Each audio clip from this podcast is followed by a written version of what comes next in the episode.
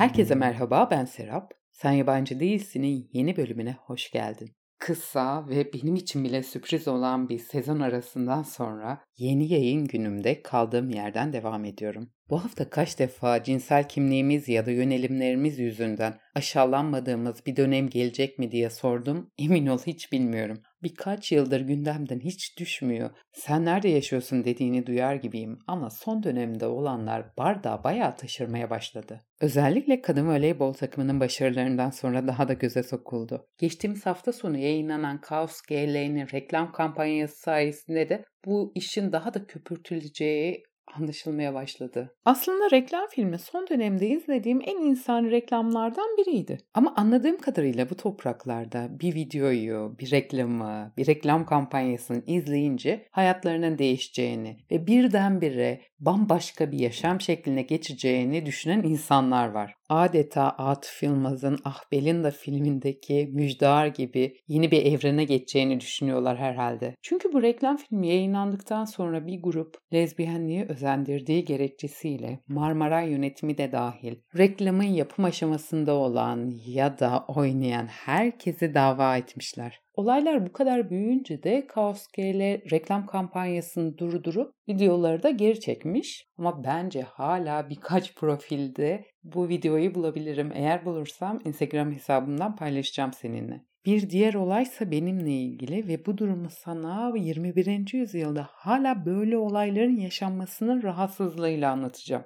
Geçtiğimiz hafta ani hava değişimine adapte olamadığım için jinekoloğa gitmem gerekti. Malum o uzun ve sıcak yazda alıştığım kıyafetleri şimdi giymeye kalktığımda bazı sorunlara yol açabiliyor. Bunlardan biri de vajinal akıntı oldu. Benim doktorum da tatilde olduğu için arkadaşlara bir doktor önermelerini istedim. Onlar da Beşiktaş'ta bir devlet hastanesi varmış ona gidebilirsin dediler. Fakat onların önerdiği doktorun boş saati yoktu. Ben de alt üstte vajinal akıntı ne olabilir diyerek oradaki başka bir doktordan randevu aldım. Ve neden diğer kadının bütün randevularının dolu, onunkilerinde boş olduğunu yaşayarak öğrendim. Odaya girdim, doktorun karşısına oturdum. Kadın mısın, kız mısın sorusu maalesef yine geldi. Aktif cinsel hayatınız var mı sorusu geldi ardından. Tanımadığım birine bu soruları yanıtlamaktan nefret ediyorum ama doktor olduğu için ve Hipokrat yeminini ettiğini düşündüğüm için maalesef yanıtladım. Bu soruların daha sorulabilir hali var mı onu da bilmiyorum tabii bu arada. Ama evli olmadığım halde aktif cinsel hayatımın olmuş olması kadını fazlasıyla rahatsız etmişti ki o garip mimikler, ifadelerle bunu anlatıyordu zaten. Keşke o an kendisine saklamasını tercih edeceğim ahlak kurallarını hatırlamak yerine Hipokrat yeminini hatırlasaydı. Neyse bir ara her şeye rağmen doktor olduğunu ve teşhis koyması gerektiğini hatırladı büyük ihtimalle. Mevsim geçişlerinde olur böyle akıntılar. Bir fitil yazabilirim ama istersen buraya kadar da gelmişsin bir muayene ol dedi. Ben de kadına muayene olmak istemesem de o ilacın faydalı olup olmayacağını tam olarak bilmeden bu ilacı yazma fikri hoşuma gitmediği için tabii muayene olayım dedim. Hatta dedi simir testi de yapalım. Peki onu da yapalım dedim. İlginç bir şekilde o andan sonra kadın daha da rahatsız edici olmaya başladı. Bir ara abartıp sen buna alışkınsındır zaten gibi bir şey söyledi. Ama o kadar alçak sesle söyledi ki tam olarak söyledi mi, söylemedi mi anlayamadığım için kadını tersleyemedim de. Sadece tek istediğim şey bir an önce muayenenin bitmesi ve odadan çıkmaktı. Bitti. Bir hafta sonra testin sonuçlarını alabilirsin dedi. Aslında kadını tekrar görmek istemiyordum ama tahlil sonuçlarını merak ettiğim için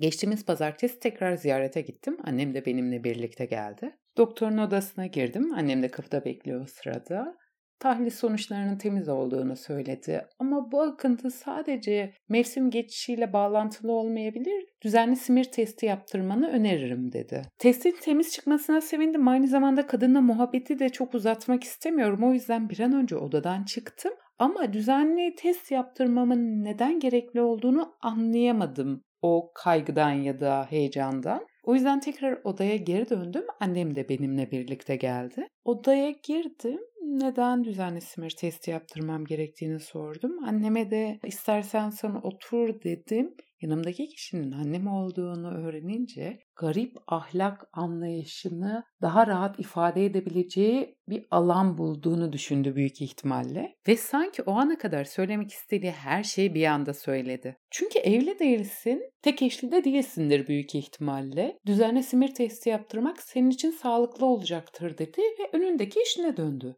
Duyduklarıma inanamadım. Annemin yanında bunları duyduğuma ayrıca inanamadım. Bir süre zaten konuşamadık da hastaneden ayrıldık. Yani Türkiye'de bekaret yüzünden pek çok kadının şiddete uğradığını bilmemiş olamaz diye düşünüyorum. Buna rağmen annemin yanında bu cesareti bulması ve onun tarafından aşağılanabilme ihtimalini de göz önünde bulundurarak bunları söylemesi ne kadar inciticiydi sana anlatamam. Ve ayrıca bu kadının nasıl bir hayal dünyası varsa evlilik dışı ilişki yaşayan insanların sürekli partner değiştirdiğini düşünüyordu sanıyorum. Bu nasıl bir evren, nasıl bir fantazi dünyası? Ayrıca yaşasam da sana ne be kardeşim yani neyin hesabını soracaksın bana? Anladığım kadarıyla biz kadınlar biraz alanı boş bıraktık. Bu yüzden de bu kadar garip, rahat konuşulabileceğini düşünmeye başladılar. Daha fazla konuşmamız gerektiğini düşünüyorum. Ve önümüzdeki dönemde de bunu daha rahat ifade edebileceğim